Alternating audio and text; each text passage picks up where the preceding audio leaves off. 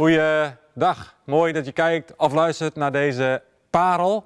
Eh, vandaag wil ik graag bij je stilstaan eh, bij bidden op basis van Gods belofte.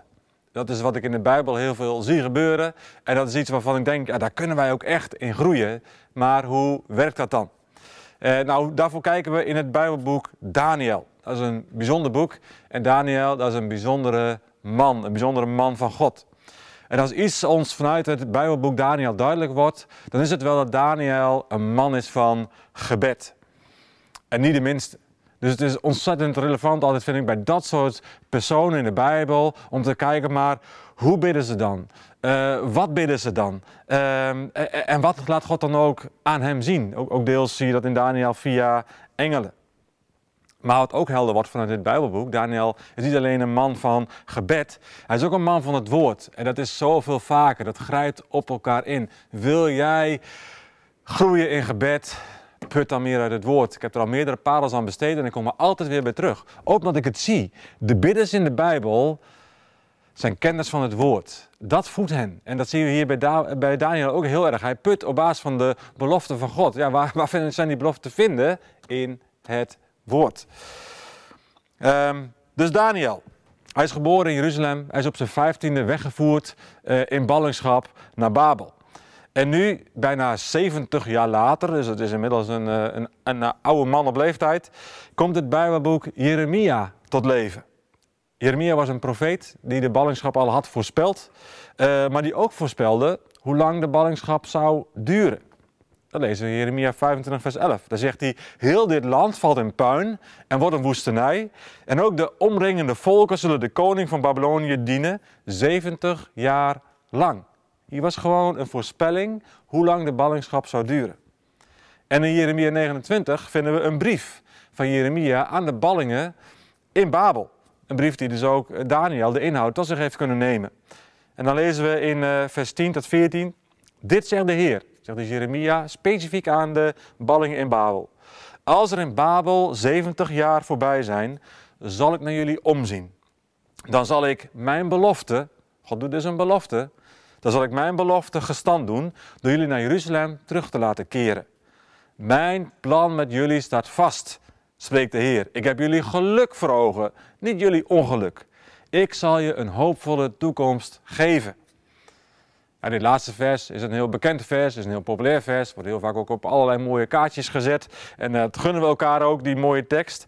Prachtig, uh, maar goed en wel. Het is in eerste instantie natuurlijk wel gewoon echt een tekst die gericht was en die bedoeld was voor het volk Israël. Op het moment dat ze in ballingschap zijn, als ja, er een troosteloze situatie is. Ja, en dan zegt God, ja, maar wacht even. Ik heb een belofte en ik heb een hoopvolle toekomst voor jullie als volk. En die toekomst die ligt niet in Babel, nee, die toekomst ligt wel degelijk in Jeruzalem.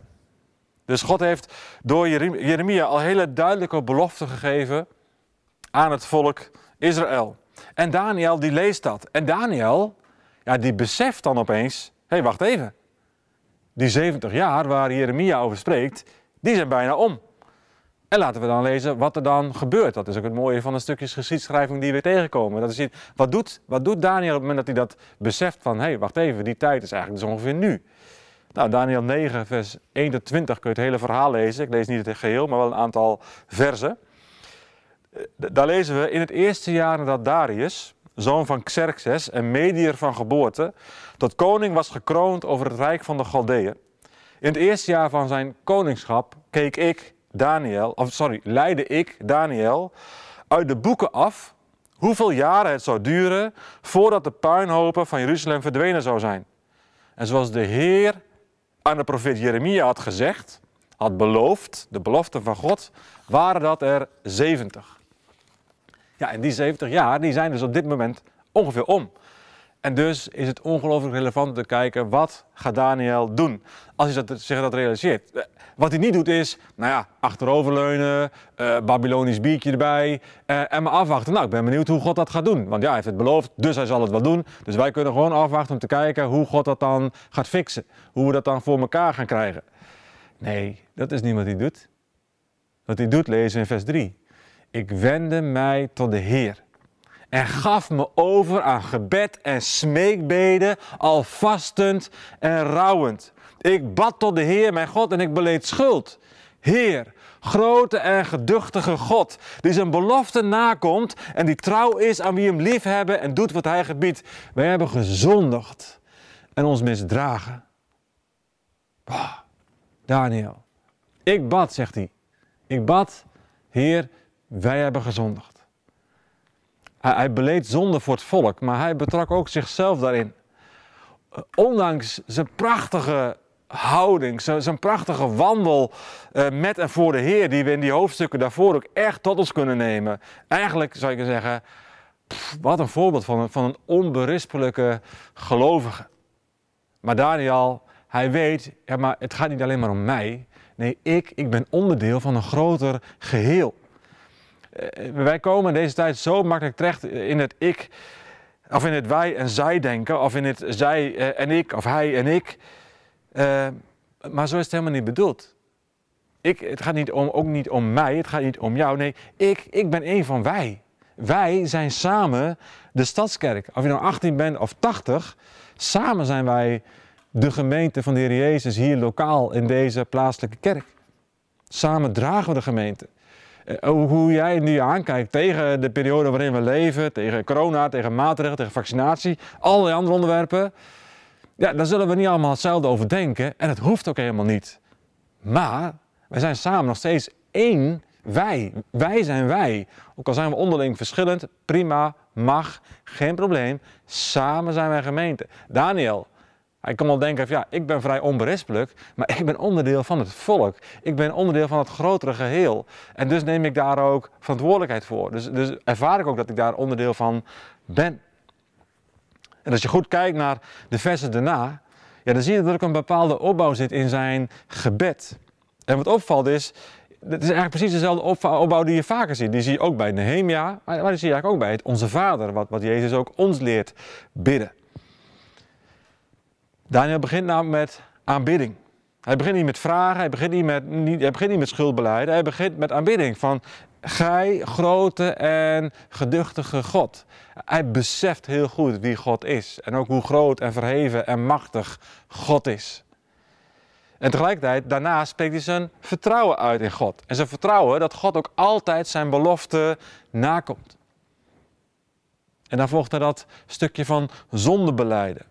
Zonde die uiteindelijk ook echt de ellende van dat volk heeft veroorzaakt. Zonde beleiden om ook ruimte te kunnen scheppen dat de belofte van Gods verlossing nu ook echt werkelijkheid zal worden. Ja, en dat is eigenlijk een principe voor alle tijd. Ruim je rotzooi op.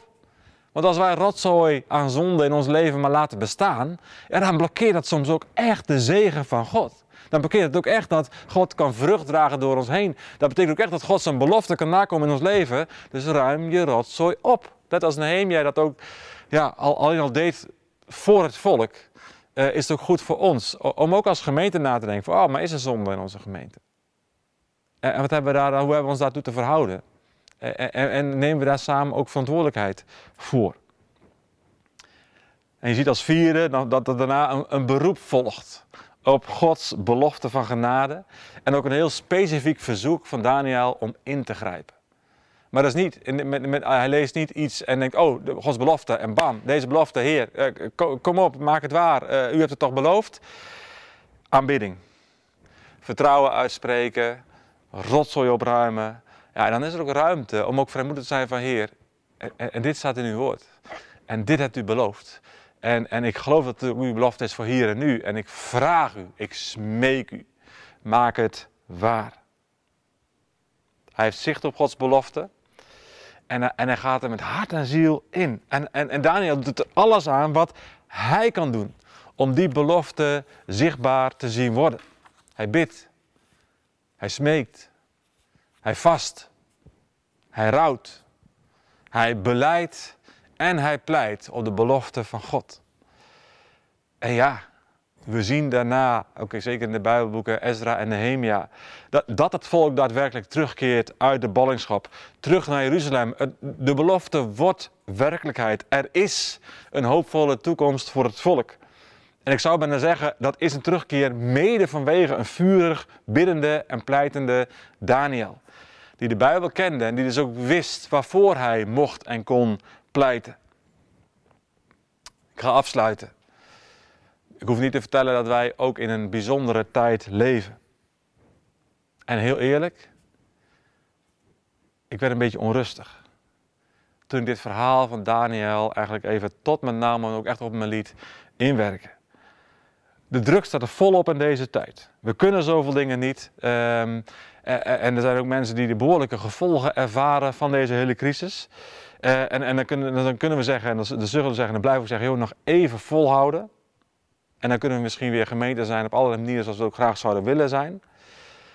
Maar weet je, ondertussen heb ik de indruk dat we ook als gemeente, ik heb daar natuurlijk niet het volle zicht op, maar het is wel de indruk die ik heb, dat we vooral een beetje ook maar aan het afwachten zijn. Totdat het weer beter gaat. En dan zie ik Daniel.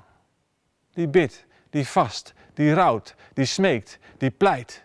Die heel actief is om, om, om ook oh ja, God te, te, te smeken om een keer te brengen in het lot van de groep waartoe hij behoort. Ja, dan denk ik, zou daar bij ons niet een onsje bij kunnen? Bij onze gebedslast ervaren wij gebedslast ook voor het welzijn van de gemeente. Voor broers en zussen die het ongelooflijk moeilijk hebben in deze tijd. Um, voor de belemmering om samen te komen. Um, bidden wij voor de overheid dat ze wijsheid hebben en goede beslissingen nemen. Zijn we aan het, als het nodig is, vasten en smeken en rouwen om een keer te brengen in deze situatie? Of wachten we maar af tot het weer beter wordt? Ik denk dat Daniel ons aanspoort. En als ik zie in het rooster van het huis van gebed, er is ruimte genoeg. Ook voor jou om alleen of samen met een of twee anderen daar een uur in te vullen. En ook zeggen, ja, maar ik neem ook mijn plek in. Ik ga ook bidden op basis van Gods belofte. Zullen we daarin het spoor van Daniel verder gaan en niet alleen maar afwachten wat het beter wordt, maar ook zelf daarin onze verantwoordelijkheid en onze plek in gebed innemen. Ik nodig je uit, ik daag je uit. God zegen.